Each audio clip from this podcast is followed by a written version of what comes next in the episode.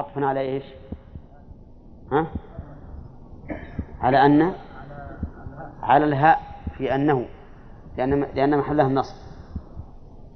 وقوله أحق بمعنى أولى وأجدر من أتصدق به عليهم فقال النبي صلى الله عليه وسلم صدق ابن مسعود. صدق بمعنى أخبر بالصدق.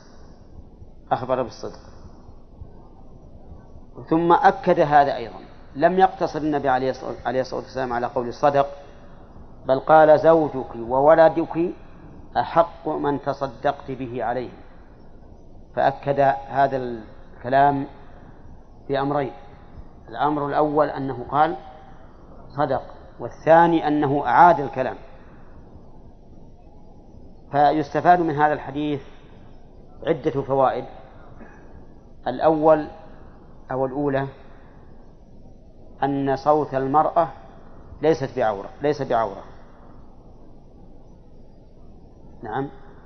وجه ذلك أنها تكلمت عند النبي صلى الله عليه وسلم وعنده أحد. ولو كان صوت المرأة عورة لنهاها النبي صلى الله عليه وسلم عن ذلك.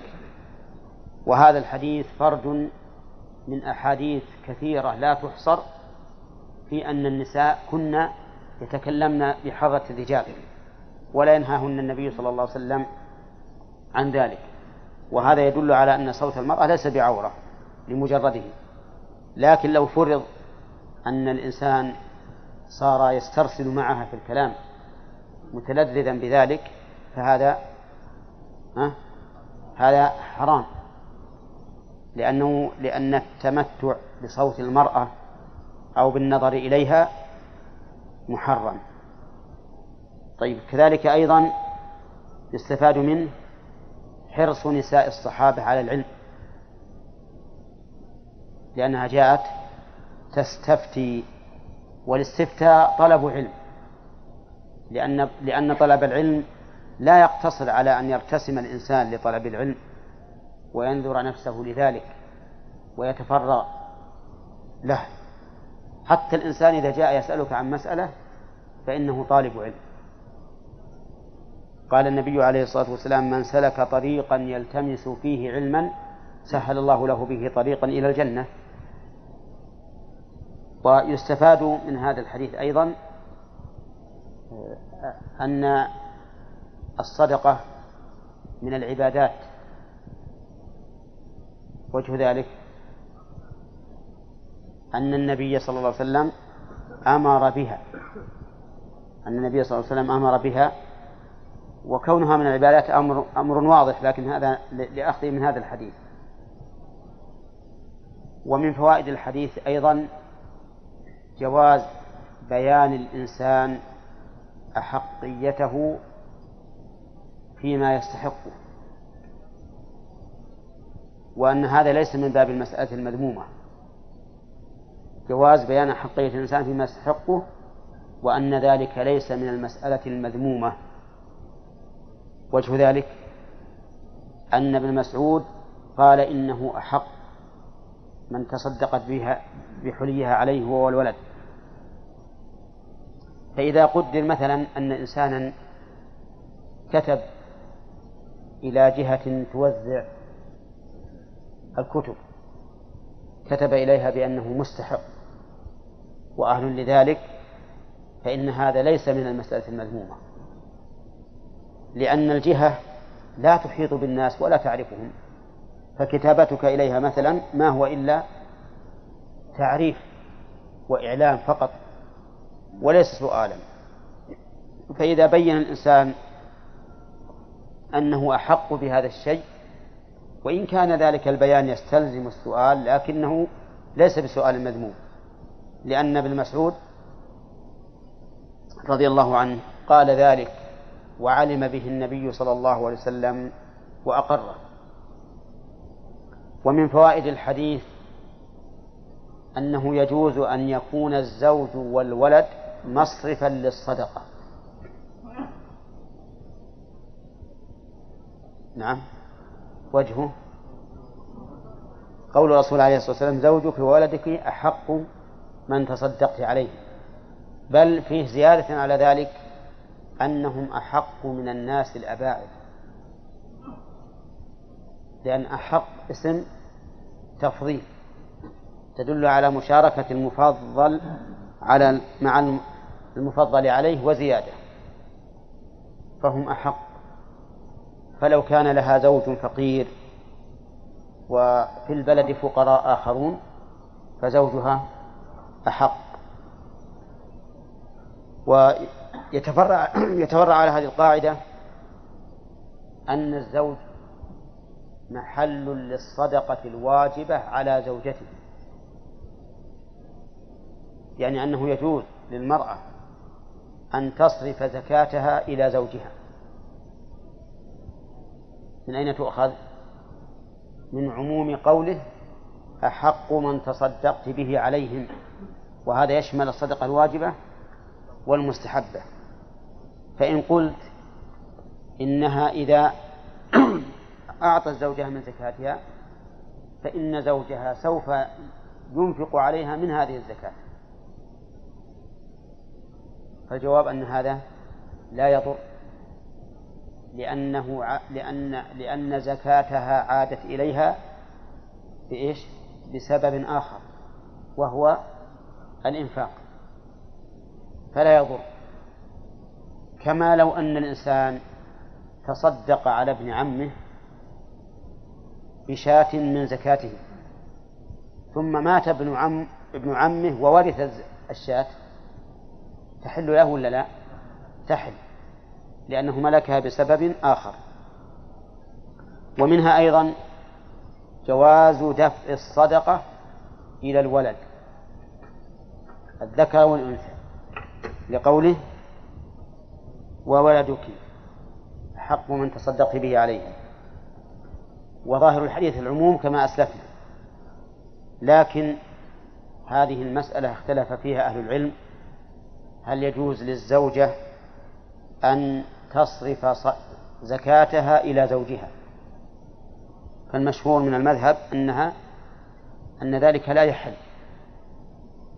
أن ذلك لا يحل وعللوه بأنه ربما ينفق عليها من زكاتها. ولكن هذا ليس بصحيح. كذلك الأولاد دفع الزكاة إليهم لا يحل على المذهب. والصحيح أن دفع الزكاة إليهم يحل لكن بشرط أن لا تكون نفقتهم واجبة.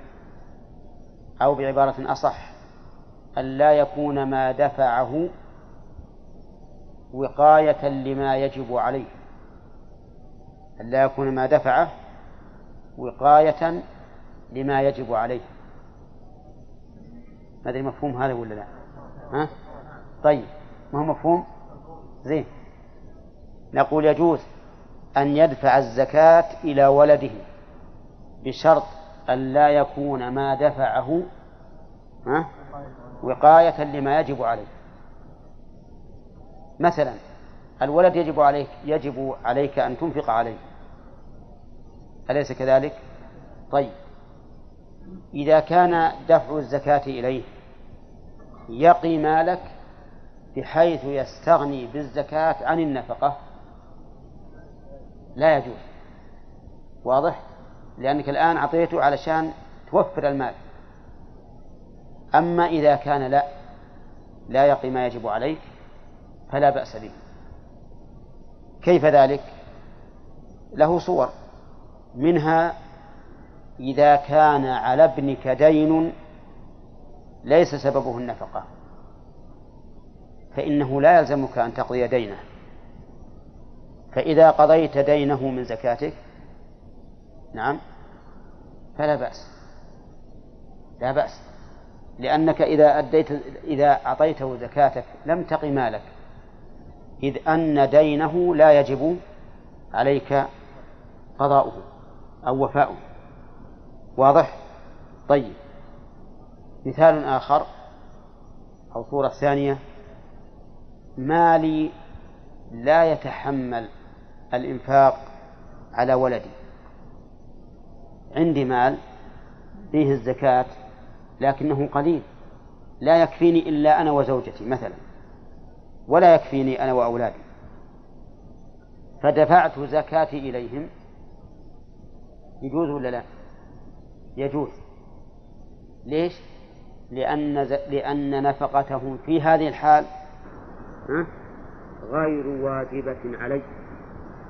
فأنا لا أسقط به واجبا علي. أي لا أسقط بذات الزكاة إليهم شيئا واجبا علي. فيكون ذلك جائزا. يكون هذا جائز.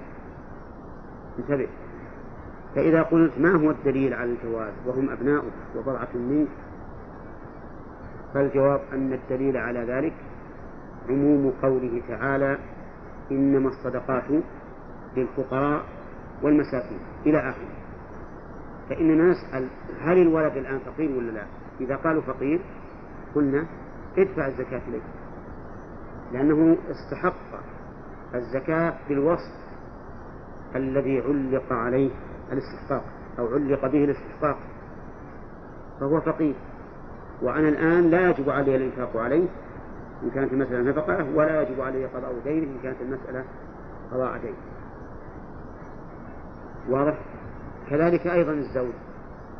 هو الزوج أوضح من الأولاد لأن الزوج لا يمكن أن تجب نفقته على الزوجة إلا على رأي الظاهرية. ابن حزم يقول إذا كانت الزوجة غنية والزوج فقيرا وجب على الزوجة أن تنفق على زوجها. نعم لعموم قوله تعالى وعلى الوارث مثل ذلك قال هي ترثه فيجب عليها الإنفاق وسبق لنا في باب النفقات أن هذا قول ضعيف وأن الآية ليس فيها دلالة لما ذهب إليه. طيب إذا نقول دفع الزكاة زكاة المرأة إلى زوجها أجب جائز بدليل هذا الحديث. دفع زكاة الإنسان إلى أولاده جائز بشرط أن لا يقي به أي بالدفع شيئا واجبا عليه. فإن وقع به شيء واجب عليه لم يحج لأن هذا حيلة. ومن فوائد الحديث أيضا جواز أو وجوب تصديق المفتي إذا كانت فتواه موافقة للحق. لقول الرسول عليه الصلاة والسلام صادق ابن مسعود. خلافا لما يفعل بعض الناس ينقل إليه فتوى من شخص وهو يعرف أنها صحيحة. لكن تجده أحيانا يقول هذا خلاف المذهب. هذا خلاف المذهب. من يعتقد أن الفتوى صحيحة. وهذا حرام. بل الواجب عليك أن تصدق بالحق. أي إنسان يفتي وإن كان من غير أهل العلم إذا كانت فتواه حقا فإنه يجب عليك أن تصدقه وأن تقول هذه صحيحة وليس فيها شيء. ومن فوائد أيضا من فوائد الحديث بيان أن للناس مراتب في الاستحقاق من أين تؤخذ؟ من اسم التفضيل. لأن أحق يدل على أن هناك شيء مفضل ومفضل عليه. ومن فوائد الحديث أيضا أن عبد الله بن مسعود رضي الله عنه يعتبر من فقراء الصحابة.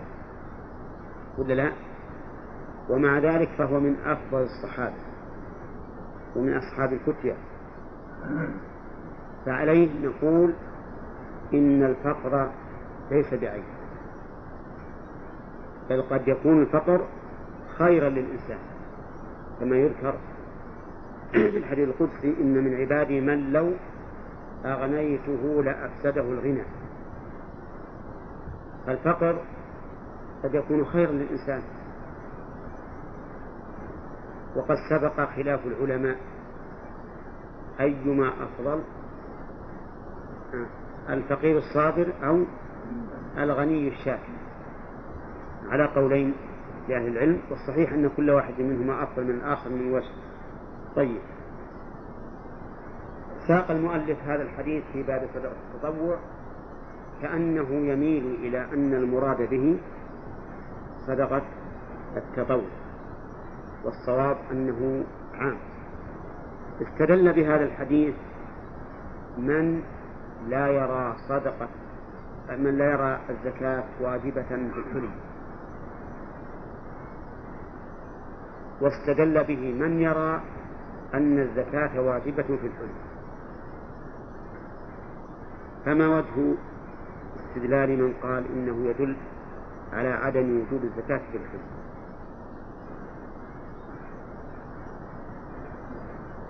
إيه؟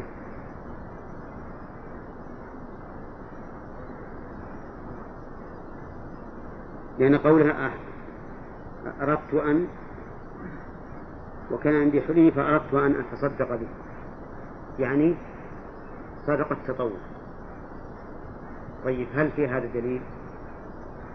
ها؟ أبدا ما في دليل لأنه لو كان عندك دراهم وأردت أن أن تتصدق بها هل يدل ذلك على عدم وجوب الزكاة في الدراهم؟ أبدا ما يدل. فليس فيه دليل على أن الزكاة ليست واجبة لأنها قد تتصدق تطوعا بشيء تجب فيه الزكاة. طيب والذين قالوا إن فيه دليلا على أن الزكاة واجبة في الحلي؟ قالوا إن قوله إنك أمرت بالصدقة أي بإخراج الصدقة وهي الزكاة وأن قولها أردت أن أتصدق به هذا دليل على أن حليها تجب فيه الزكاة. ولكن مع ذلك ليس بصريح. فالذي يظهر لي أن هذا الحديث ليس فيه دليل لا لهؤلاء ولا لهؤلاء. إنما فيه دليل أن امرأة ابن مسعود أراد أن تصدق به وفيه دليل أيضا من فوائد الحديث. حرص الصحابة على تنفيذ أمر النبي صلى الله عليه وسلم حتى فيما تتعلق به حوائجهم. كيف؟ أرادت أن تصدق بحلي مع أن الحلي عند النساء من أغلى ما يكون لأنه مما يجلب ميل زوجها إليها وهي محتاجة إلى التجمل به أمام النساء وأمام نظيراتها. ومع ذلك رضي الله عنها أرادت أن تتصدق به. هل يؤخذ منه جواز استعمال النساء للحلي؟ ها؟ نعم. لأن قولها كان لي عندي حلي لي. هذا دليل على أنها تتملك. ولكن هل هذا الحلي من ذهب أو من فضة؟ هذا الحديث لم يتبين فيه شيء. ولكن المعروف أن الذهب حلال للنساء مطلقا سواء كان مرصعا أو محلقا من الأسورة والخواتم وغيرها. وقد ذهب بعض أهل العلم إلى أن الذهب المحلق كالأسورة والخواتم حرام على النساء واستدلوا بأحاديث وهذه الأحاديث التي استدلوا بها من العلماء من قال إنها منسوخة ومنهم من قال إنها مخصوصة بحال دون حال فإذا كان الناس في إعواز وفي حاجة فلا ينبغي للمرأة أن تهتم بالحلي وإذا كان الناس في سعة فلا بأس.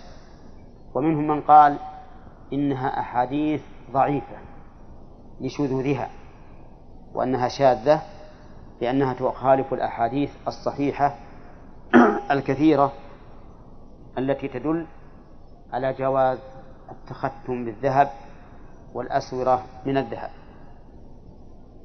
وهذا القول هو أقربها عندي وكنت أظن أن الشذوذ إنما يكون في الحديث الواحد يختلف فيه الرواة ويكون بعضهم أرجح من بعض فنقول إن المرجوح الشاذ. ولكن تبين لي من صنيع أهل الحديث أن الشاذ ما خالف الأحاديث الصحيحة ولو كان غير وارد على ما ورد عليه المحفوظ. يعني لو كان حديث كل واحد منهما مستقلا. ومن أمثلة ذلك أن الإمام أحمد رحمه الله قال في في الحديث حديث أبي هريرة في النهر في النهي عن الصيام بعد نصف شعبان.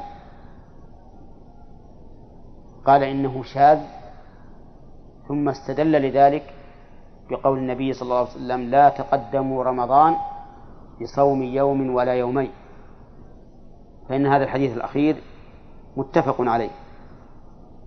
والأول رواه أهل السنن. فاستدل رحمه الله على شذوذه بمخالفته للحديث الصحيحين مع أن الحديث ليس واحدا. وكذلك أيضا قال شيخنا عبد العزيز بن باز في أحاديث النهي عن عن الذهب المحلق إنها شاذة لمخالفتها للأحاديث الصحيحة. فتبين لي بعد ذلك أن الشاذ ما خالف الأحاديث الصحيحة سواء كان سواء كان المتن واحدا أم مختلفا. نعم. وعن ابن عمر رضي الله عنهما.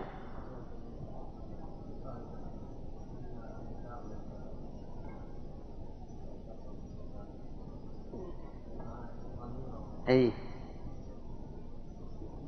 نشوف. هذا يقول هل فيه دليل على أن اليسار ليس شرطا في الكفاءة؟ الجواب؟ لا ليس فيه دليل. أولا لأنه لا لا يمكن أن يقال إن المرأة التي عندها حلي تعتبر من الأغنياء. كم من امرأة عندها حلي ولكنها في عداد الفقراء؟ آه، ثانيا ولو تصدقت به ثانيا ربما هذا الإعسار حدث لابن مسعود فيما بعد. ثالثا أننا إذا قلنا إنه شرط في الكفاءة فالصحيح أن الكفاءة ليست شرطا للصحة إنما هي شرط للزوم على خلاف في ذلك أيضا. نعم. نعم.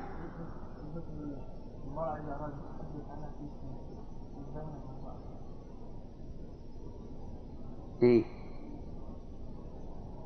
هذه فائدة. يعني جواز ذكر المرأة باسمها العلم. نعم. إيه ما يخالف. لكن ذكرها باسمها العلم. يعني مثلا الآن تنشر أسماء الناجحات في الصحف. هل نقول إن هذا منكر لأنه تذكر أسماء النساء؟ فيه أو لا؟ ها؟ ليس منكرا لأن الصحابة كانوا يذكرون أسماء النساء طيب فيها أيضا جواز ذكر المرأة زوجها باسمه أو بكنيته ها؟ لأن لأن زينب قالت زعم ابن مسعود لكن عندنا هذا عيب المرأة إذا أرادت تتحدث عن زوجها تقول قال وتجعله ضمير غيبة. من اللي قال؟ قالت هو. منه هو قالت هو. نعم. ما ما, تذكر اسمه. لكن هذا يعني اصطلاح عرفي. فلا مانع أن تذكر المرأة زوجها باسمه. لا, لا ليس فيه مانع. بدليل إيه، ما هو قلنا إن, إن العلم يكون اسم وكنية ولقب. هذه كنية. أبو فلان يمكن يمكن يقول أبو فلان لكن باسمه العلم ما يذكرونه نعم. نعم. وهي؟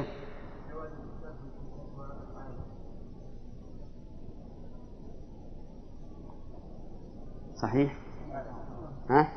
إذن ومن فوائده أيضا جواز التثبت في فتوى العالم. يعني معناه أنك إذا أفتيت وشككت في الفتوى فلا حرج عليك أن تتثبت بل يجب عليك أن تتثبت. نعم يجب عليك أن تتثبت في هذه الفتوى.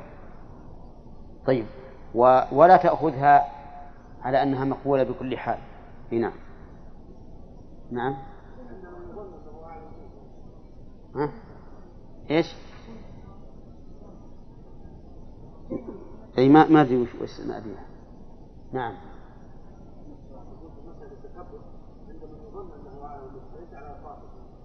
لا مطلقا إنك تثبت من فتوى من تشك في فتواه.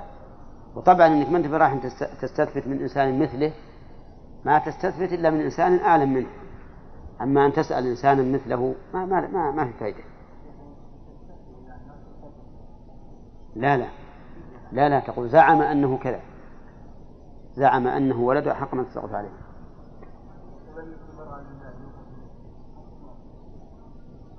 لا هذا فوائد ما هي سؤال؟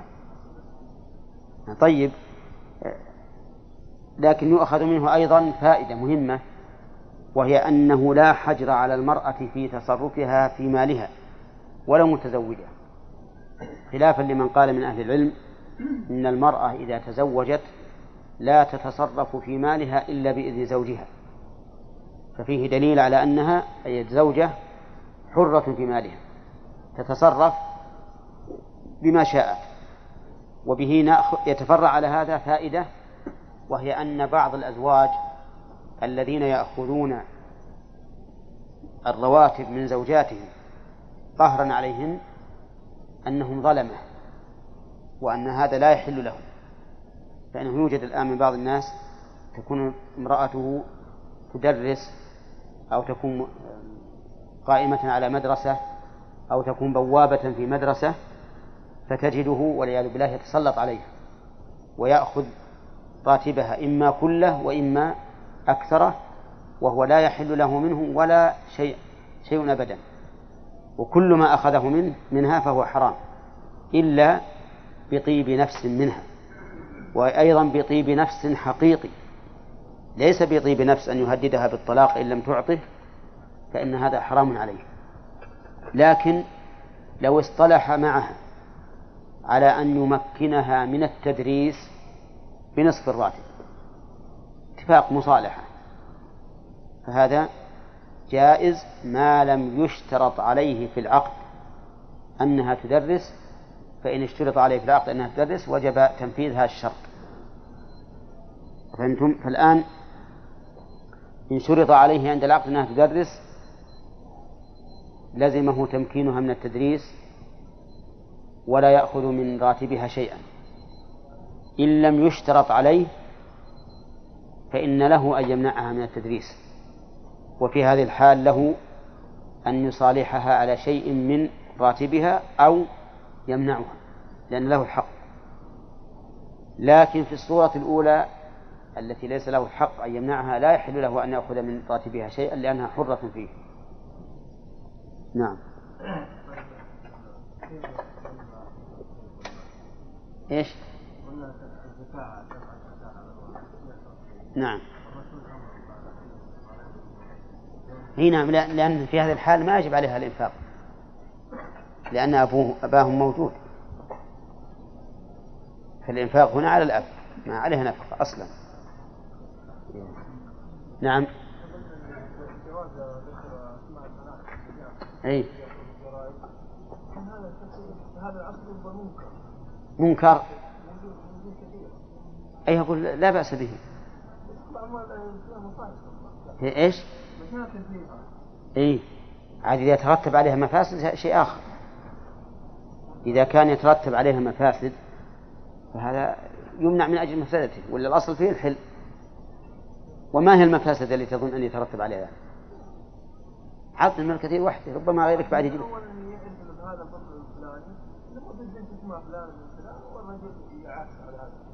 آه. يعني يخشى من من المعاكسة صح ربما. هذه واقعة. إذا نقول هذا الأصل فيه الإباحة لكن إذا تضمن محذورا صار صار محظورا نعم.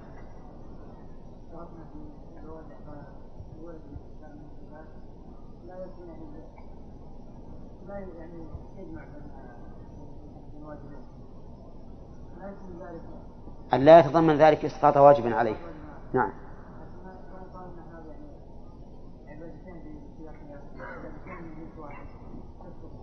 لا لا أصلا الإنفاق هذا مو لو, قلنا أعطيه الزكاة فكأنك في الحقيقة أسقطت النفقة عنك بهذه الزكاة.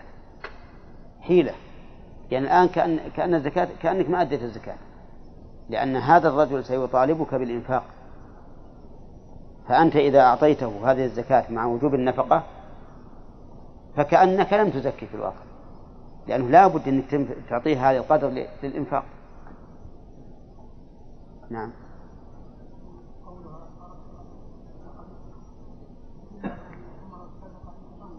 نعم. نعم ما ما يدل هذا لأن قوله حلي لي ما يدل على أن كل اللي عنده هو هذا. وهذا أشرنا إليه في الشرح. ولو كان ما عندها إلا هذا صح. على أنه قد يقول قد يكون تتصدق به كله مع أن الواجب عليها بعضه.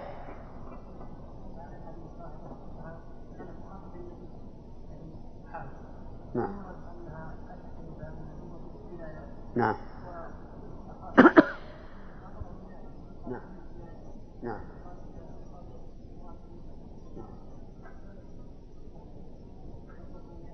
التوفيق أنها وقفت عند الباب واستأذنت ثم بعد ذلك كلمها النبي عليه الصلاة والسلام فكلمت طيب نعم الزوج إيش؟ كيف ذلك؟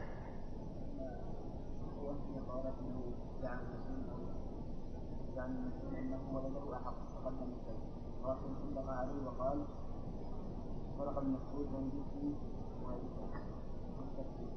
لا ما يدل على لأن الواو لا تفيد الترتيب. ثم أن الزوج هنا قدم لأنه أكبر. أكبر من الأولاد. هنا. يعني عكس الموضوع الولد. يعني على الوالدين إيه. إيه ما تقولون في هذا. هل يجوز للولد أن يعطي زكاته والديه؟ الجواب نعم بشرط أن لا يتضمن ذلك إسقاط واجب النفقة يعني أن لا يسقط واجبا عليه. طيب هل يجوز للزوج أن يعطي زوجته من زكاته؟ ها؟ يجوز أيضا بشرط أن لا يسقط واجبا عليه. يعني مثلا لو كان زوجته مدينة عليها دين وقضاه عنها من زكاته فلا بأس. فلا بأس. أما بيعطيها للإنفاق لحاجة النفقة نقول ما يصلح لأنه أنت يجب عليك أن تنفق عليها فإذا أعطيتها من الزكاة فمعنى فكأنك لم لم تزكي لأنك أنفقت عليها. والإنفاق واجب عليك من قبل الزكاة.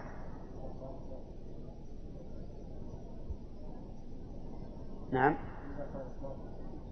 إي نعم لأن ما تجب نفقة في هذه الحال.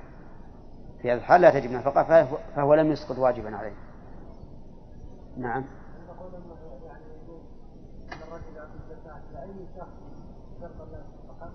نعم. هذا هو الأصل. كل من اتصف بأوصاف أهل الزكاة فالأصل جواز دفع زكاة إليه. هذا الأصل. ما لم يوجد مانع. نعم.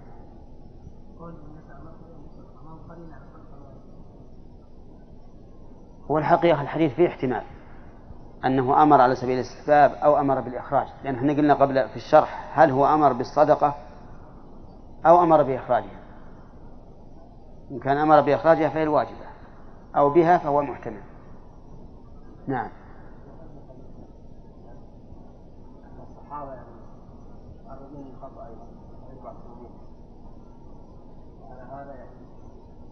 الخطأ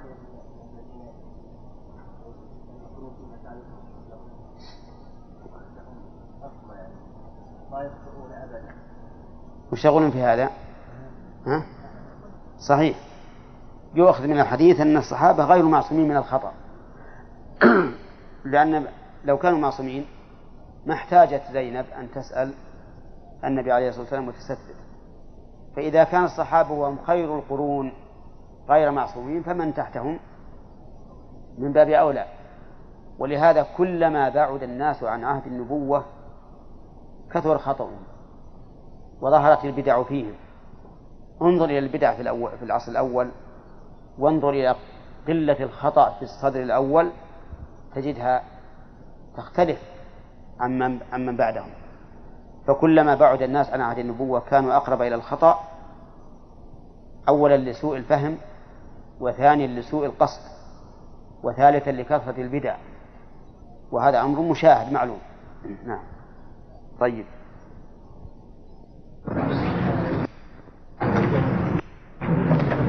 ثم نقرأها هنا.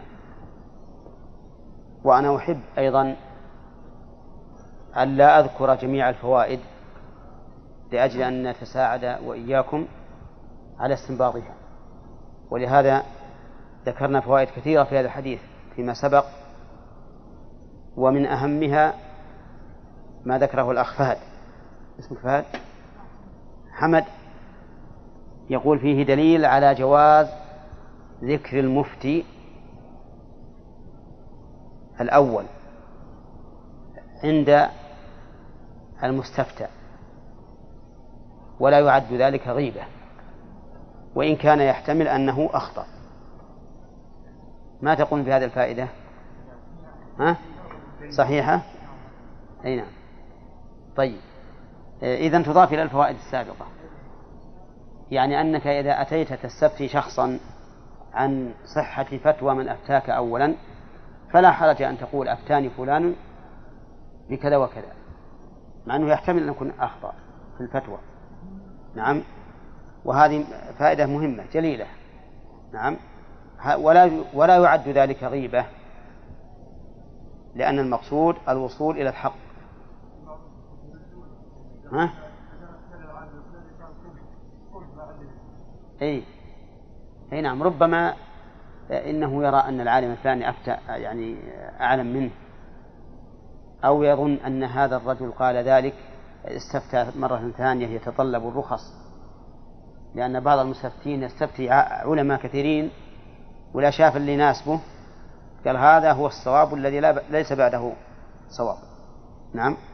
يمكن يظن هذا وابخه ويقول ليش قمة عندي السنة نعم. طيب على كل حال في فوائد يمكن تستخرج بالاستنباط للتأمل وإن شاء الله تعالى في الدرس القادم نشوف اللي كاتبنا الفوائد.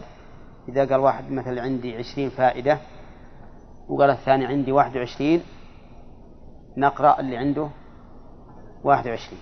يعني الأكثر فائدة نبي نقرأ إن شاء الله بحثه في الدرس القادم. قال رحمه الله تعالى وعن ابن عمر رضي الله عنهما قال قال رسول الله صلى الله عليه وسلم لا يزال الرجل يسأل الناس حتى يأتي يوم القيامة وليس في وجهه مزعة لحم. متفق عليه. لا يزال فيها يزال مضارع زال. مضارع زال. وزال لها مضارع مضارعات ثلاثة. زال يزول يزال يزيل. يزول ويزال ويزيل. طيب. فهنا يزال وليست يزول. وهي من أفعال الاستمرار. فإذا دخل إذا دخل عليها النفي كمعنى لا يزال يفعل كذا أي أن فعله مستمر دائم. مستمر دائم. وهي من أخوات كان ترفع المبتدأ وتنصب الخبر. فالرجل هنا اسمها والخبر يسأل. وأما قوله حتى يأتي يوم القيامة فيوم هنا فيها إشكال. فهي هنا منصوبة. وهل الفاعل يكون منصوبا؟ حتى يأتي يوم يوم يوم القيامة. عجيب هل الفاعل يكون منصوبا؟ إذا كيف جاء منصوبا هنا؟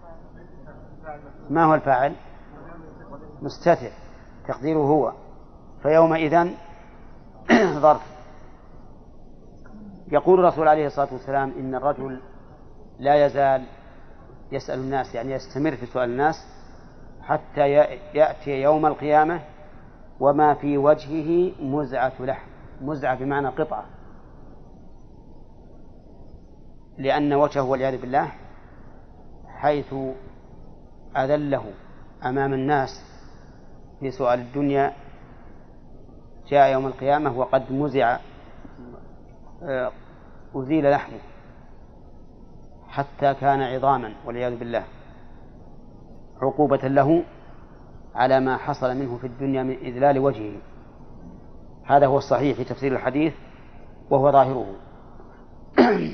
ففي هذا الحديث عدة فوائد. منها أن سؤال الناس من كبائر الذنوب. وجهه الوعيد عليه وأن الإنسان السؤول الذي لا يزال يسأل الناس يعاقب بهذه العقوبة العظيمة. ومنها إثبات البعث لقوله حتى يأتي يوم القيامة. ومنها أن الجزاء من جنس العمل لأن هذا الرجل لما أذل وجهه في الدنيا أمام عباد الله أذله الله يوم القيامة أمام عباد الله وذلك بنزع لحم وجهه. ومنها أنه يجب على الإنسان إذا سأل أن يسأل الله لأن الإنسان لا بد أن يكون في حاجة. فإذا كان ممنوعا من سؤال الناس فمن يسأل؟ يسأل الله عز وجل. قال النبي عليه الصلاة والسلام لابن عباس إذا سألت فاسأل الله وإذا استعنت فاستعن بالله. فأنت إذا ألجأتك الضرورة فلا فلا تسأل إلا الله عز وجل. فإنه هو الملاذ وهو الذي يؤمل بكشف الضر وجلب الخير. أورد المؤلف هنا هذا الحديث والمناسبة فيه ظاهرة لأن الباب صدقة التطوع. والناس يعطون السائلين. ففي هذا تحذير السائلين من أن يسألوا ما لا يستحقون ولكن بالنسبة للمسؤول فإنه يعطى يعطي يعطي ما دام يغلب على ظنه أن هذا الرجل فقير بهيئته ولباسه فليعطي فإن غلب على ظنه أنه غني فهل يعطيه أم لا؟ ينظر في ذلك للمصلحة. إن كان في إعطائه مصلحة أعطاه وإلا منعه ونصحه. بل حتى وإن أعطاه فلينصح ينصحه وكان النبي عليه الصلاة والسلام لا يسأل شيئا على الإسلام إلا أعطاه. حتى كان يعطي المؤلف قلوبهم المؤلف قلوبهم يعطيهم الشيء الكثير من الإبل والغنم والمتاع والدراهم تأليفا لقلوبهم. فإذا جاء هذا السائل وسألك ورأيت من المصلحة أن تؤلف قلبه بإعطائه وإن كان وإن كنت يغلب على ظنك أنه ليس أهلا فإن إعطاءه لا بأس به. لأن بعض الناس قد يسأل وهو غني فإذا لم تعطه ذهب يسيء إلى الناس أو يسيء إليك أنت أيضا. فإذا أعطيته اتقاء شره وتأليفا لقلبه فإن هذا لا بأس به. ثم قال وعن أبي هريرة رضي الله عنه قال قال رسول الله صلى الله عليه وسلم قلناها. خمس فوائد. من يسأل الناس أموالهم تكثرا فإنما يسأل جمرا فليستقل أو ليستكثر. من يسأل شرطية ولا استفهامية؟ أو موصولة؟ شرطية؟ بدليل لا. ها؟ جزم الفعل. جزم الفعل. لأن اقتران الفاء بالجواب قد يكون هذا واقعا في فيما إذا كانت ما من اسما موصولا. طيب إذن هي شرطية. وجوابها؟ ها؟ عندنا مجزومة حذف بالكسرة الرأسية طيب وقوله تكثرا. هذه مفعول من أجله. يعني لأجل التكثر بجمع المال. وقوله فإنما يسأل هذا هو جواب الشرط. وقوله إنما يسأل جمرا الجمر معروف وهي القطع من النار وهي حامية كما كما هو ظاهر. ولكن ما معنى قوله فإنما يسأل جمرا؟ هل معناه أنه كسائل الجمر؟ أو المعنى أن هذا الذي يعطاه يكون يوم القيامة جمرا يعذب به. الثاني هو الأقرب أي أنه يوم القيامة يعذب به فيعطى إياه جمرا من النار. وهذا كقول النبي عليه الصلاة والسلام إنكم تختصمون إلي ولعل بعضكم أن يكون ألحن بحجته من بعض فأقضي له وإنما أقضي بنحو ما أسمع فمن اقتطعت له شيئا من مال أخيه فإنما أقتطع له جمرا فليستقل أو ليستكثر.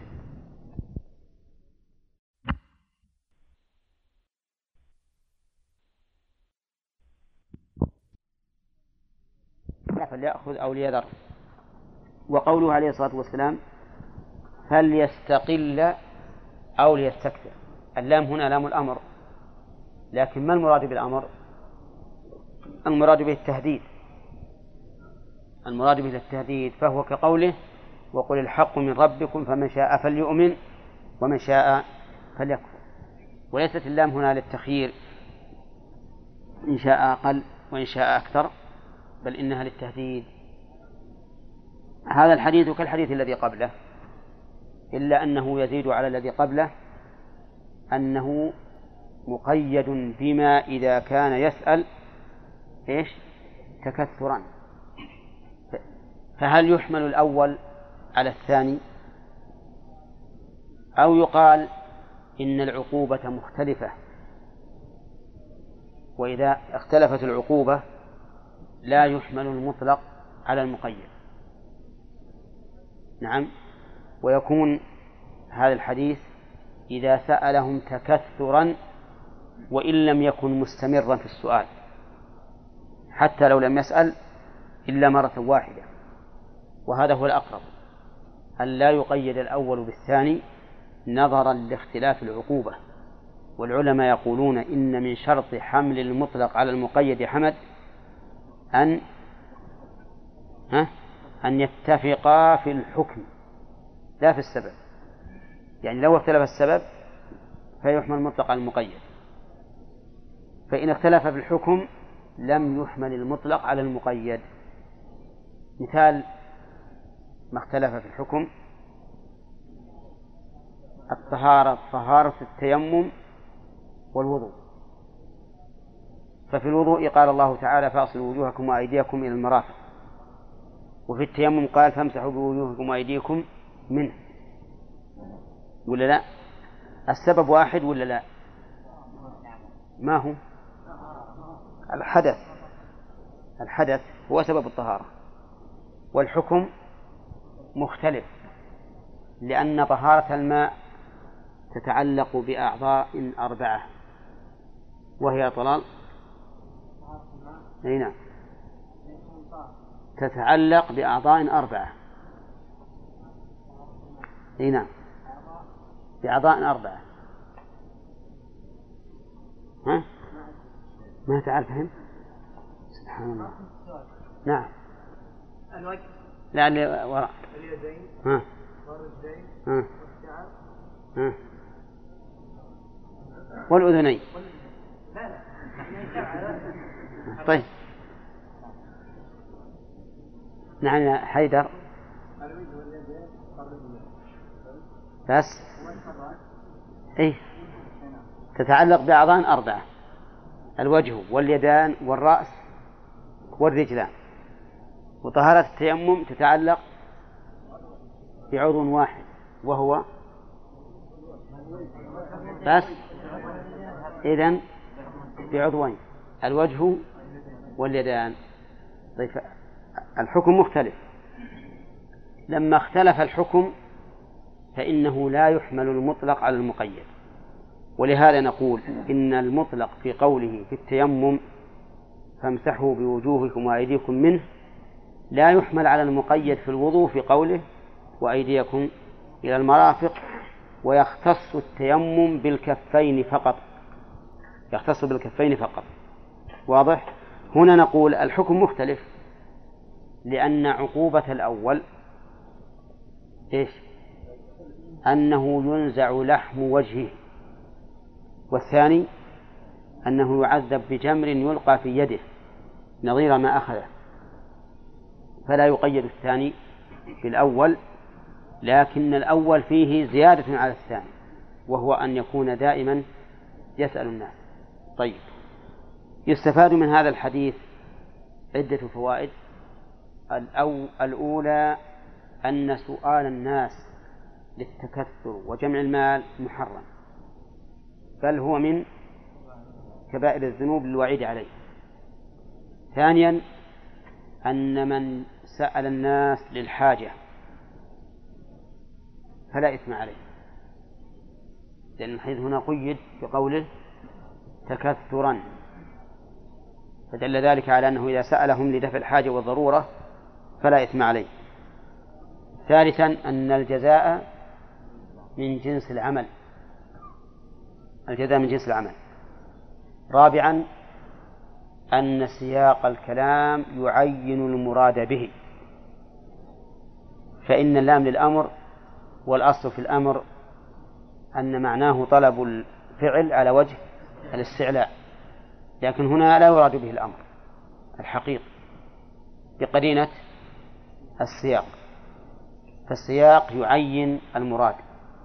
سواء في كلام الله أو كلام رسوله أو في كلام الآدميين. حتى في كلام الآدميين السياق يعين المراد والنية أيضا تعين المراد. ومن فوائد الحديث أيضا استعمال التهديد في المخاطبة لقوله فليستقل أو ليستكثر. ومن فوائده الإشارة إلى القناعة. وأن الإنسان ينبغي أن يكون قانعا بما أعطاه الله عز وجل. ومن أعطي القناعة بقي غنيا كما قال النبي عليه الصلاة والسلام ليس الغنى عن كثرة العرض وإنما الغنى غنى القلب. فإذا كان الإنسان غني القلب فهو في الحقيقة هو الغني. وكثير من الناس عنده من الأموال ما عنده ولكن قلبه فقير والعياذ بالله. دائما يطلب المال ويلهث وراءه. وكم من إنسان ماله قليل وهو يرى أنه من أغنى الناس وقد استغنى عن الناس. وهذا من نعمة الله على الإنسان لأن الإنسان إذا أعطي القناعة بقي غنيا منشرح الصدر لا ينظر إلى غيره. نعم. طيب. ويدل شف أن يدل لذلك أن من كمال نعيم أهل الجنة أنهم لا يبغون عنها حولا. حتى أدناهم لا يريد التحول عما هو عليه. ويرى أنه ليس في الجنة أحد أنعم أنعم منه. وهذا من نعمة الله على العبد أن يوفق للقناعة سواء كان ذلك في ماله أو في يعني في مسكنه أو في ملبسه أو في مركوبه أو في أولاده أو في زوجته أو غير ذلك. إذا أعطي الإنسان القناعة بما أعطاه الله بقي غنيا. أما إذا نزعت القناعة من قلبه فإنه فقير مهما كان عنده من من, من الأموال وغيرها.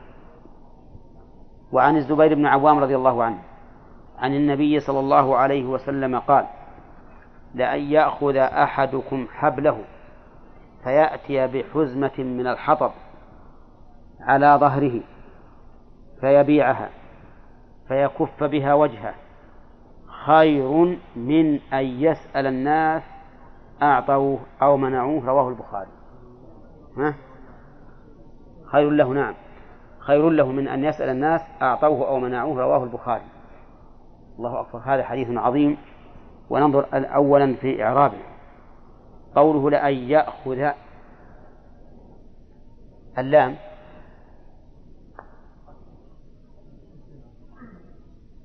اللام. لا. معطي القسم لازم يصير فيها التوكيد. اللام لام الابتداء. لأنها دخلت على المبتدأ. وقد تدخل على الخبر بالتزحلق. نعم. ومنه قول الشاعر أم الحليس لعجوز شهربة ترضى من اللحم بعظم الرقبة. نعم. ما تقول بعظم الظهر ولا الأليه ولا شيء. عظم الرقبة يكفيها. أصل هذا البيت لو لو مشى على الترتيب لقال لأم الحليس عجوز شهربة لكن قال أم الحليس لا عجوز. فاللام في قوله لأن يأخذ اللام ها؟ لام الابتداء لأنها دخلت على المبتدأ. ولكن كأني بياسر وإخوانه يقول أين المبتدأ؟ لأن عندنا الآن أن مصدرية وبعدها فعل مضارع. وين المبتدأ؟ فنقول يلا ياسر. ما هي جملة المبتدأ لا يقع جملة أبدا. ما يحدث المبتدأ. اللي يمكن يحدث المبتدأ لكن هنا لا. مو محذوف. المصدر المؤول من أن والفعل. هل المصدر المؤول من أن والفعل يكون مبتدأ؟ نعم. موجود في القرآن. وأن تصوموا خير لكم أي صومكم خير لكم. طيب. إذا لا يأخذ معنى تقديره لا أخذ أحدكم. شوف حبله وقوله فيحتطب. فيأتي بحزمة من من الحطب. يأتي معطوفة على يأخذ. وقوله خير له. هذه خبر المبتدأ. طيب في هذا الحديث أخبر النبي عليه الصلاة والسلام خبرا مؤكدا باللام. بأن الإنسان لو أخذ لو لم يكن عنده مال فإنه لا يسأل الناس بل يسعى أولا بنفسه لطلب الرزق فإذا تعذر فليسأل. لكن طلب الرزق كيف؟ يقول لو وصل به طلب الرزق إلى هذه الحالة أو هذه الحال التي تعتبر في نظر الناس ها دنيئة. يأخذ الحبل يخرج إلى البر يحتطب ويأتي بحزمة الحطب على ظهره. ما عنده سيارة يشيل عليها ولا حمار ولا فرس ولا بغل. هو بنفسه يحمله على على ظهره. نعم. يقول فيكف بها وجهه. يبيعها فيكف بها وجهه. خير له من أن يسأل الناس. لأن هذا الرجل اعتمد على ما منحه الله تعالى من القوة والكسب فاكتسب بفضل الله عز وجل ولم يلتفت إلى أحد من الناس فكان ذلك خيرا له سواء أعطاه الناس أو منعوه حتى يعني معناه سواء أعطي أو لم يعطى أيهما أشد عليه أن يعطى أو يرد؟ ها؟ أن يرد أشد. لأن اللي يردك كأنه صفعك على وجهك وردك. لكن اللي يعطيك يكون جبر خاطرك أهون. فيقول الرسول عليه الصلاة والسلام أن هذا العمل خير له سواء أعطاه الناس أو منعوه. ولكن لننظر إذا قال الرجل أنا رجل شريف ومن قبيلة شريفة ذات شرف وجاه كيف بروح أحطب؟ لو أحطب لكان الصبيان يدجلون ورائي. يقولون خبل فلان وخبل فلان. فماذا أصنع؟ هل نقول لكل مقام مقال وأن مثل هذا الرجل الذي لا يليق به أن يحتضب نقول له ليسأل الناس؟ لا. نقول إن الرسول عليه الصلاة والسلام أطلق الكلام. فأنت وإن خرجت إلى البر واحتطبت وجئت بهذا لو لم تجد مهنة إلا هذه لكان ذلك خيرا لك من سؤال الناس. طيب فإن وجد غيره أشرف من هذا ولكن عمل يد. ها؟ فليفعل. فليفعل. ولا ينبغي إذا وجد عملا أشرف من هذا أن يتنزل إلى هذا العمل. يعني مثلا لو وجد أنه يخرج إلى السوق ويكون دلالا. تعرفون الدلال؟ ها؟ دلال يأخذ أمتعة الناس ويحرج عليها. نعم. هذا لا شك أنه أشرف من الاحتضار. نقول ما دمت تعز نفسك بصنعة أعلى من الاحتطاب فافعل. لكن إذا لم تجد الاحتطاب فهو خير لك من سؤال الناس سواء أعطوك أم منعوه طيب. لو وجد مهنة أنه يجلد الكتب. ها؟ يعمل؟ هذا طيب. طيب. وجد مهنة أنه يكتب الكتب. هذا أيضا أفضل. لأنه يعني يحصل علم. يكتب الكتب فيحصل علما من كتابته إياها. نعم. المهم لو قال قائل كيف يجوز أن يأخذ أجرا على كتابة الكتب الشرعية. ها؟ نقول نعم هو أخذ على عمله. حتى لو أنه جلس مدرسا يدرس القرآن بأجرة فلا بأس. له أن يفعل. لأن تعليم القرآن بالأجرة جائز. طيب لو لو جلس يقرأ للموتى إذا مات الميت جاءوا به ليقرأ ويأخذ فلوس. يقول هذا أحسن لي من أروح أحط. لا. الحطب أحسن. أي نعم. الحسن الحطب أحسن. لأن هذه المهنة حرام. حرام أن يأخذ الإنسان أجرا على مجرد القراءة. أما على تعليم القرآن فلا بأس به لأن النبي عليه الصلاة والسلام جعل تعليم القرآن عوضا في النكاح. وما جعل وما صح أن يكون عوضا في النكاح فهو, فهو, فهو فيصلح أن يؤخذ عليه المال. لأن الله قال وأحل لكم ما وراء ذلكم. إيش؟ أن تبتغوا بأموالكم. فجعل الله المهر مالا. طيب.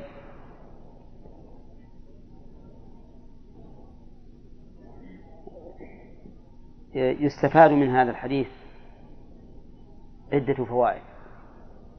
أولا التفاضل بين الأعمال والمهن. لقوله لأن يسأل لأن يأخذ أحدكم حبله إلى آخره. خير له من أن يسأل الناس. ثانيا أن العمل الذي يكف وجهك عن سؤال الناس مهما كان دنيئا فهو خير. ولا تقول هذا لا يصلح لمثلي. لأن الرسول عليه الصلاة والسلام أطلق الفائدة الثالثة ضرب ضرب المثل بالأدنى ليكون تنبيها على ما فوقه من أين يؤخذ؟ من كان الرسول عليه ضرب أدنى مثل لاكتساب المال لأجل أن يكون ليكون في ذلك إشارة إلى إيش؟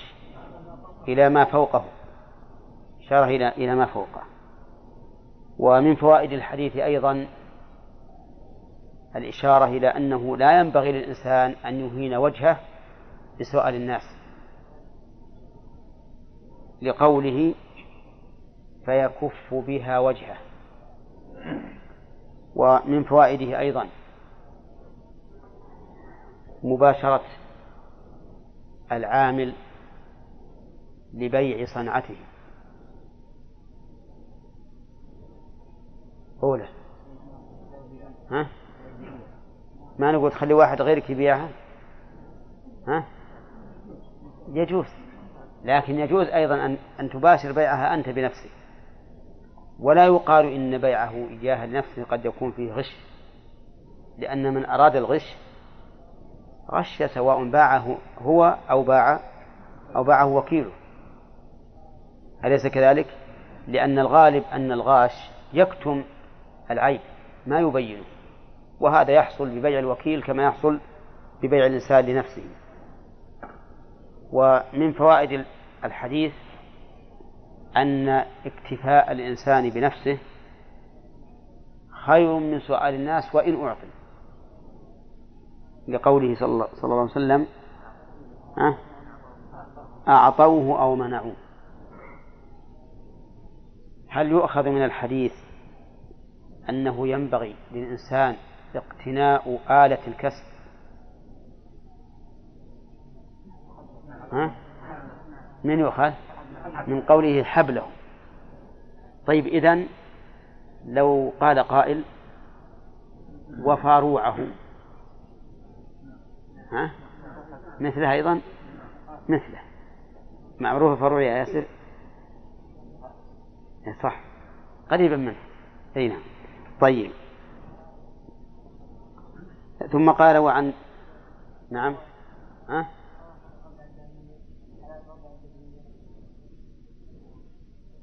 أي نعم. يؤخذ منه الرد على الجبرية. كيف؟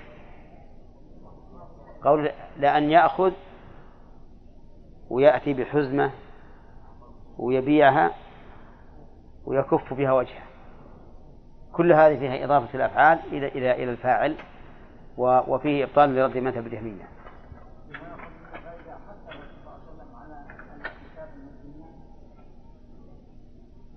وش تقولون؟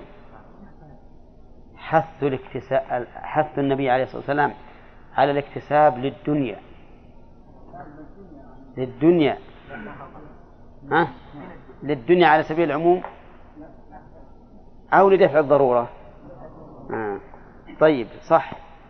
وهل يؤخذ منه أن الإنسان إذا كان غنيا بكسبه لا يجب الإنفاق عليه؟ ها؟ كيف ذلك؟ كيف ذلك يا طلال؟ كيف ذلك؟ إيه ما كيف نأخذ من هذا الحديث ها؟ طلال أجاب وقال نعم. لازم يدبر لنا هالكلمة ها؟ أنت فاهمين؟ هل يؤخذ منه أن الإنسان إذا كان غنيا بكسبه لا لا تجب له نفقة على قريبه؟ ها؟ يؤخذ. يؤخذ منه. في قوله فيبيع فيكف بها وجهه. معنى ذلك أنه استغنى بها. ولهذا اشترط العلماء رحمهم الله في باب النفقات اشترطوا لوجوب النفقة للشخص أن يكون هذا الذي تجب له النفقة إيش؟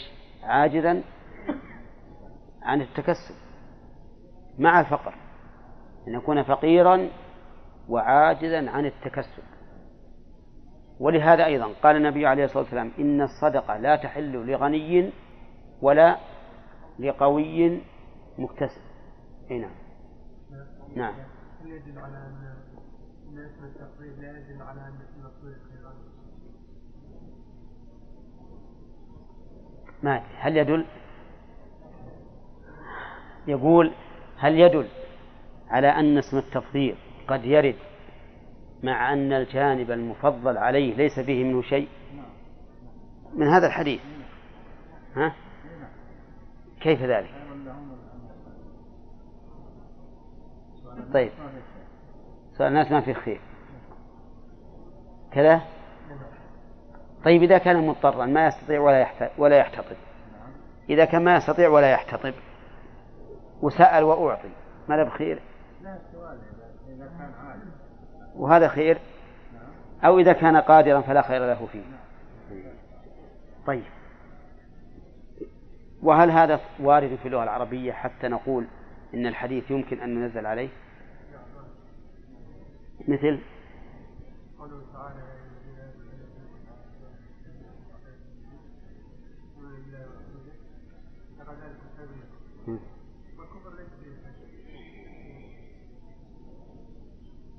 طيب مثال آخر. ولامة مؤمنة خير مشركة ولا وجبتكم. مثال ثالث. آية واحدة هذه. طيب. ناخذ إذا مثالين طيب. آه الله خير أما يشركون مع أن ما يشركون به ليس فيهم إطلاق خير إطلاقا. إي نعم. جواز جواز نعم ذكرنا هذا. جواز بين الإنسان لما صنعه بنفسه. نعم. ذهاب عدم جواز على مجرد القراءة في الرسول عليه الصلاة والسلام بعض الصحابة نعم نعم صح. إي نعم هذا صحيح. هذا مو على على على, على شفائه من من هذا العمل. إي هذا هذا عبارة عن مداواة. مداواة عمل. لكن لو جاء واحد وقال بس بك تقرأ قرآن وأعطيك قروش ما صح. لكن لو قال بك تقرأ علي لأني مريض وأعطيك قروش ما يخالف. نعم.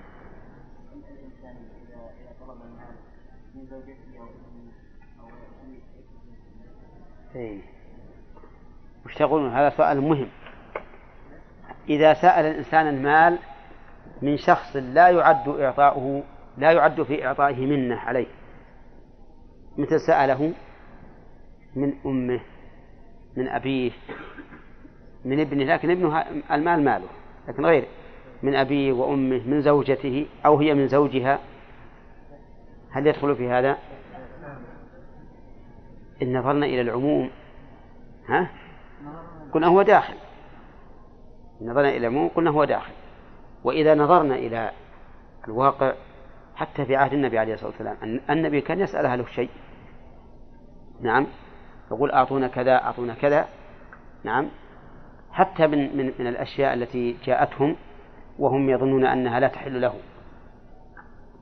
الظاهر إن أن من من لا منة في سؤاله لا بأس من سؤاله. كما جرت به العادة. وكما وكما يشير إليه قوله تعالى ولا على أنفسكم أن تأكلوا من بيوتكم أو بيوت آبائكم أو بيوت أمهاتكم إلى آخر الآية. و طيب وفي أيضا سيأتينا بعد في إلا أن يسأل الرجل سلطانا. سؤال السلطان سيأتينا أيضا وفيه تفصيل. نعم. القريب إذا سأل وأنا أعرف أنه غنم. إي نعم. تعطيه. تعطيه ولكن تنصحه. لا تدعه من نصيحة. تعطيه لأجل القرابة لأنك لو منعته لكان في هذا شيء. نعم.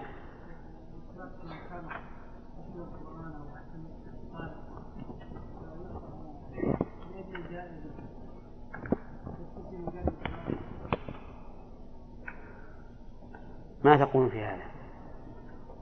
الاشتراك في مسابقة تحسين القراءة. هل يكون هذا من باب أخذ الأجرة؟ على القرآن أو يقال إن هذه جائزة للتشجيع. ما هي إجارة على أنه لازمة لكل من الطرفين؟ ها؟ الظاهر هو هذا. الظاهر هو هذا. ولكن هل هل يجوز للإنسان أن يدخل فيها بهذه النية؟ هو بالنسبة للمعطي جائز.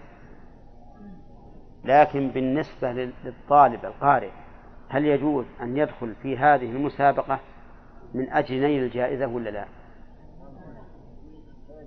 ها؟ ليش؟ نعم لأن تحسين القرآن أو تحسين الصوت بالقرآن عبادة كما أمر بذلك النبي عليه الصلاة والسلام قال زينوا أصواتكم بالقرآن فهو عبادة وهذا الذي دخل المسابقة سيزين صوته بالقرآن بحسب ما يستطيع من أجل نيل الجائزة فيكون أراد بعمله الدنيا. ولكن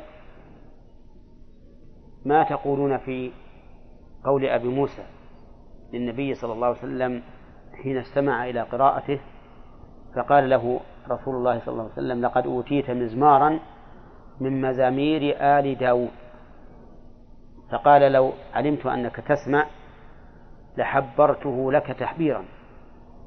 فأبو موسى هنا أراد أن يزين صوته بالقرآن من أجل النبي صلى الله عليه وسلم وأقره النبي عليه الصلاة والسلام على ذلك.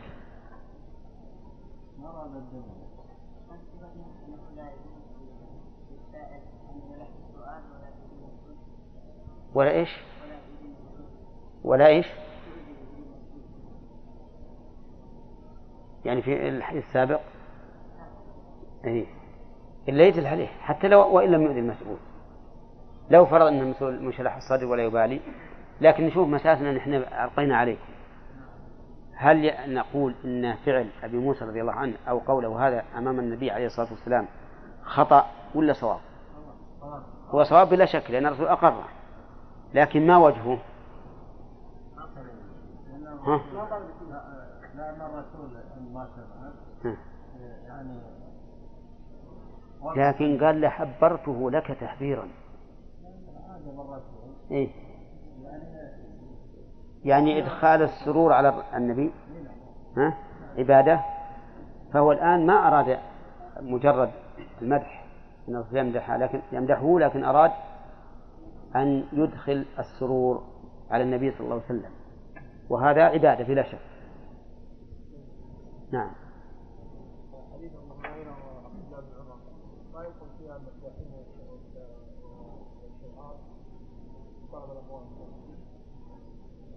هذا سؤال مهم ينبغي أن أننا تكلمنا عليه وهو أن السؤال قد يكون بلسان المقال وقد يكون بلسان الحال. فالشعراء والمداحون هؤلاء يسألون ها؟ بلسان الحال. لكن إن كانوا أمام السلاطين فسيأتي إن شاء الله ذكره في الحديث اللي بعده. طيب ومن السؤال بلسان الحال ما يفعله بعض الناس بعض الفقراء أو اللي غير فقراء المهم السائلين يأتي وكأنه مريض. نعم أو كأنه أخرس أو كأنه مكسور الرجل. نعم وأنا, وأنا أذكر مرة من المرات كنا هنا في الجامع فصلى معنا رجل صلاة المغرب. صلى وهو قال هكذا لا يقوم ولا يركع ولا يسجد. فاتل على هالصفة المغرب. وجلسنا للدرس وهو على هذه الصفة.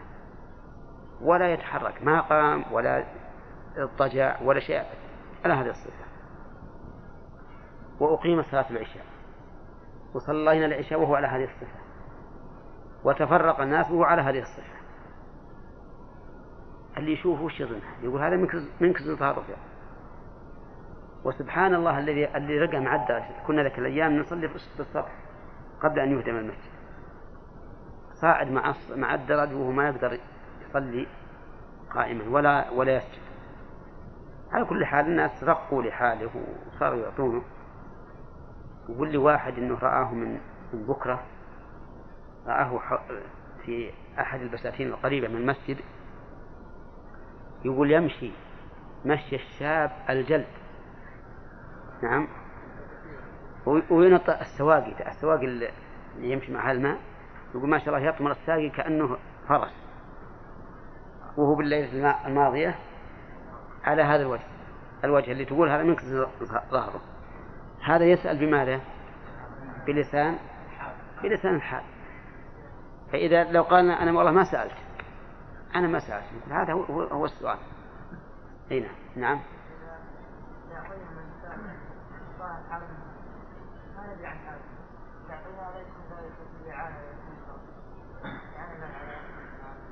لا إحنا قلنا إذا إذا كان يغلب على ظننا أنه ليس بفقير ما نعطيه إلا إذا دعت المصلحة ذلك إذا كان في مصلحة.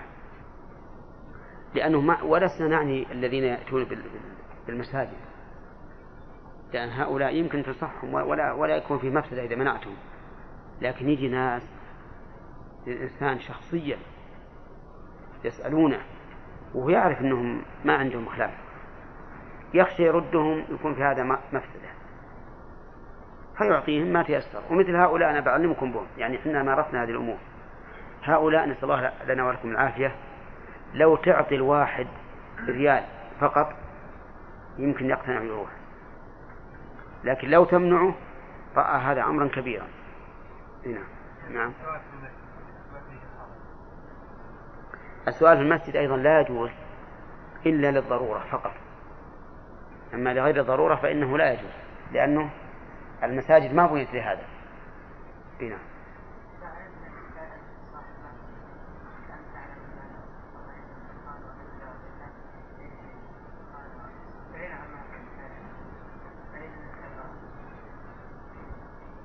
السؤال يقول إذا علمنا أن السائل يسأل ليشتري دخانا يشربه ها؟ هل يجوز نعطيه؟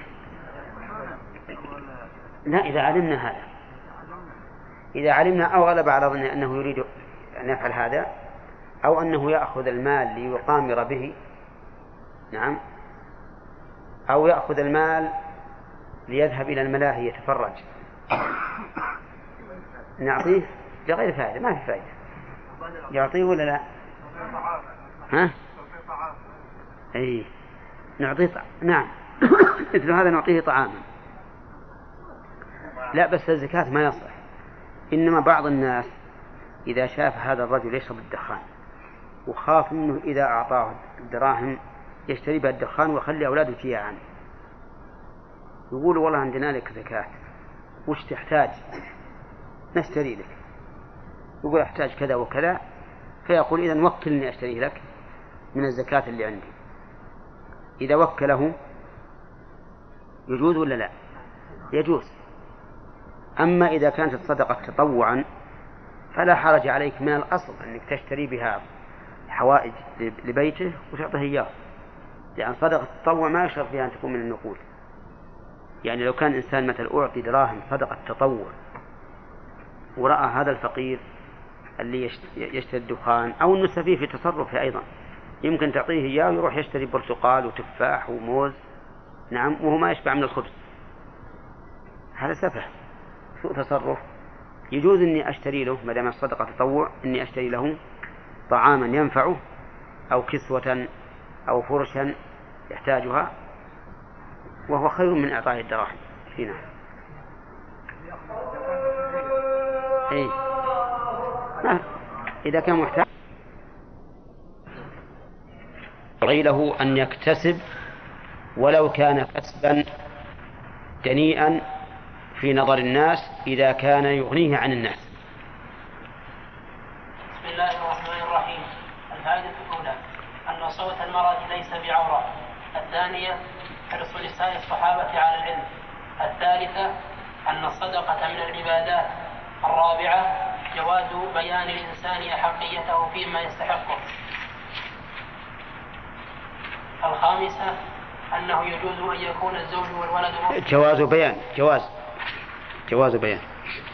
الخامسة جواز بيان أن يكون الزوج والولد لا, لا قصدي الرابعة. جواز بيان. نعم جواز بيان. إيه طيب. الخامسة أنه يجوز أن يكون الزوج والولد مصرفا للصدقة. السادسة بل هم أحق من الناس الأباعد السابعة يتفرع على ذلك أن الزوج محل للصدقة على زوجته لعموم قوله أحق من تصدقت به عليه. كيف أن الزوج أحق بصدقة؟ نعم أن الزوج محل للصدقة على زوجته. لا الصدقة من زوجته.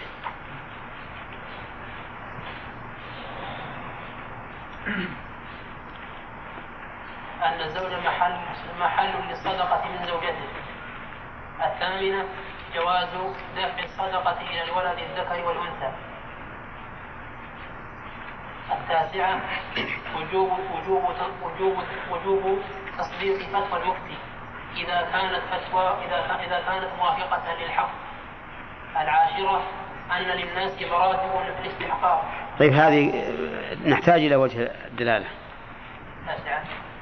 آه، وجوب تصديق فتوى المفتي إذا وافق الحق. نعم. قال إذا كانت فتوى موافقة للحق لقوله صلى الله عليه وسلم صدق ابن مسعود بخلاف بعض ما يفعله بعض الناس ينقل إليه فتوى من شخص وهو يعرف إنه صحيح ولكنه تجده يقول هذا خلاف المذهب وهذا حرام بل الواجب عليه ان أن تصديق أن ان يصدق بالحق قال اي قال إننا يفتى قال اي إننا اي يفتى وإن كان من غير أهل العلم كيف؟ هذه عندكم ذي؟ ها؟ هذا شرف جاء من الشرف. إيه اي ما يخالف لكن بس في خطأ عنده الآن. ان للناس مراتب الاستحقاق لقوله احق الحادي عشر أن عبد الله أن عبد الله بن مسعود من فقراء الصحابة. الثاني عشر وعليه نقول إن الفقر ليس بعيب. الثالثة عشرة لا بس. الثالثة عشرة هذه مناسبة سياق الحديث. اقرا اقرا نشوف خلينا نشوف ساق الحديث المؤلف ساق الحديث المؤلف في باب صدقة التطوع كأنه يميل إلى أن المراد به صدقة التطوع والصواب أنه عام. نعم إيه لا بأس هذه فائدة يقول الصواب أنه عام. الرابع عشرة استدل بالحديث من يرى أن الزكاة ليست واجبة بالحلي واستدل به من يرى أنها ليست واجبة بالحلي. كيف؟ هذا هو الأول. نعم. استدل استدل بالحديث من يرى أن الزكاة ليست واجبة في الحلي. طيب. واستدل به من يرى أن أنها واجبة في الحلي. زي صح. الخامسة عشرة حرص الصحابة على تنفيذ أمر النبي صلى الله عليه وسلم حتى فيما تتعلق به حوائجهم. السادسة عشرة نعم لأنها أرادت أن تتصدق بحليها. السادسة عشرة جواز استعمال النساء الحلي من الذهب وغيره سواء كان محلقا أو غير محلق. السابع عشرة جواز أصبر ها؟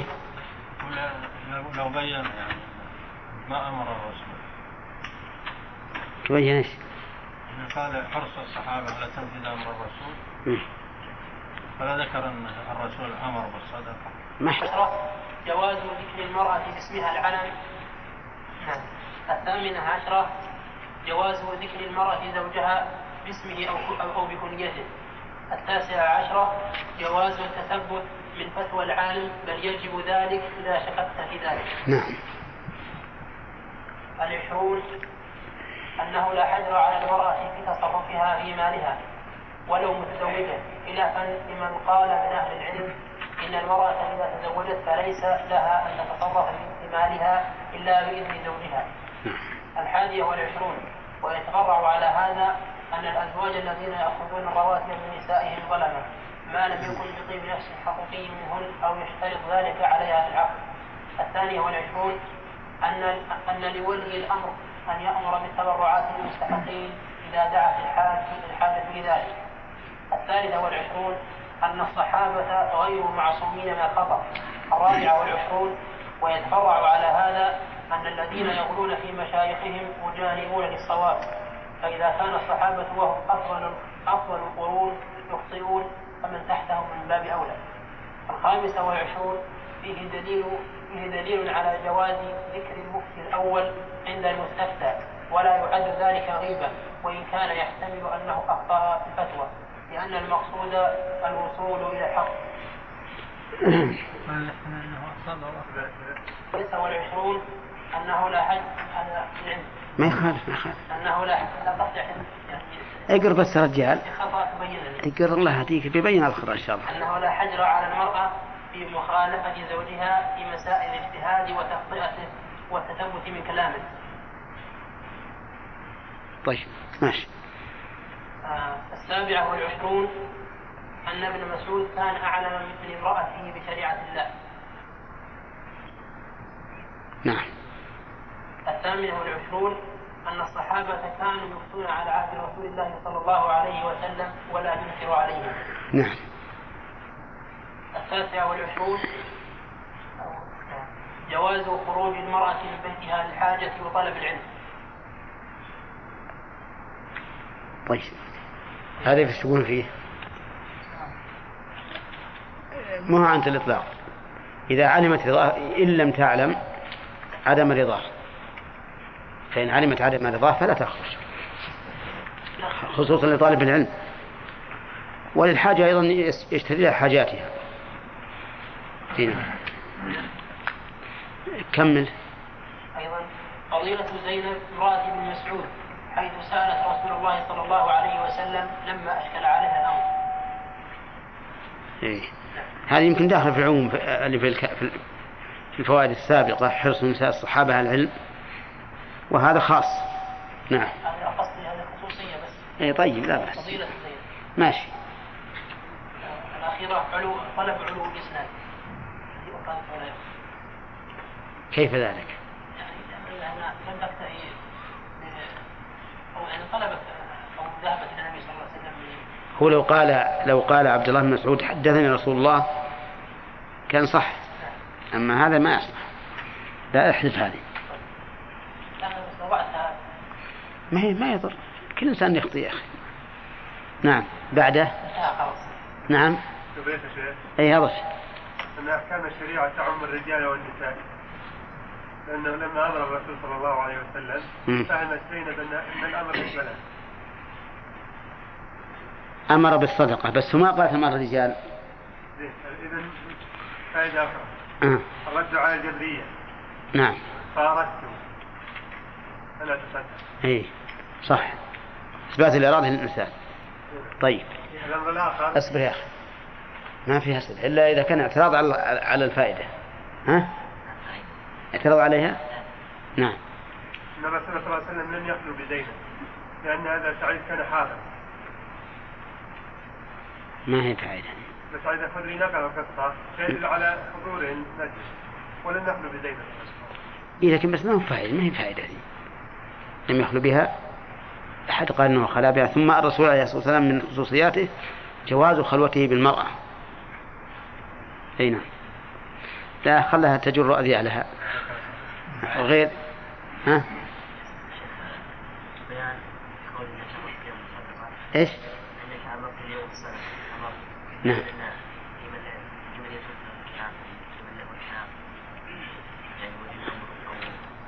ما يقال فيه دليل على جواز الرواية بالمعنى. نعم. وجه أن الرسول قال تصدقوا. وهي ما قالت؟ قال النبي عليه الصلاة والسلام تصدقوا. ها؟ إيش تقولون؟ الظاهر إن فيه دليل على جواز نقل الحديث بالمعنى لأنها نقلت أمر الرسول بمعناه. قالت أمر بالصدقة قد فائده ان المستفتي هو احق ان ان ياتي إلى لا العكس ما يا ياس. يعني هل يليق مثلا إذا بغيت تستفتي واحد تقول تعال تعال بسألك؟ ها؟ يعني قل قد يقال فيه دليل على أن طالب العلم هو الذي يحضر إلى العالم لا العالم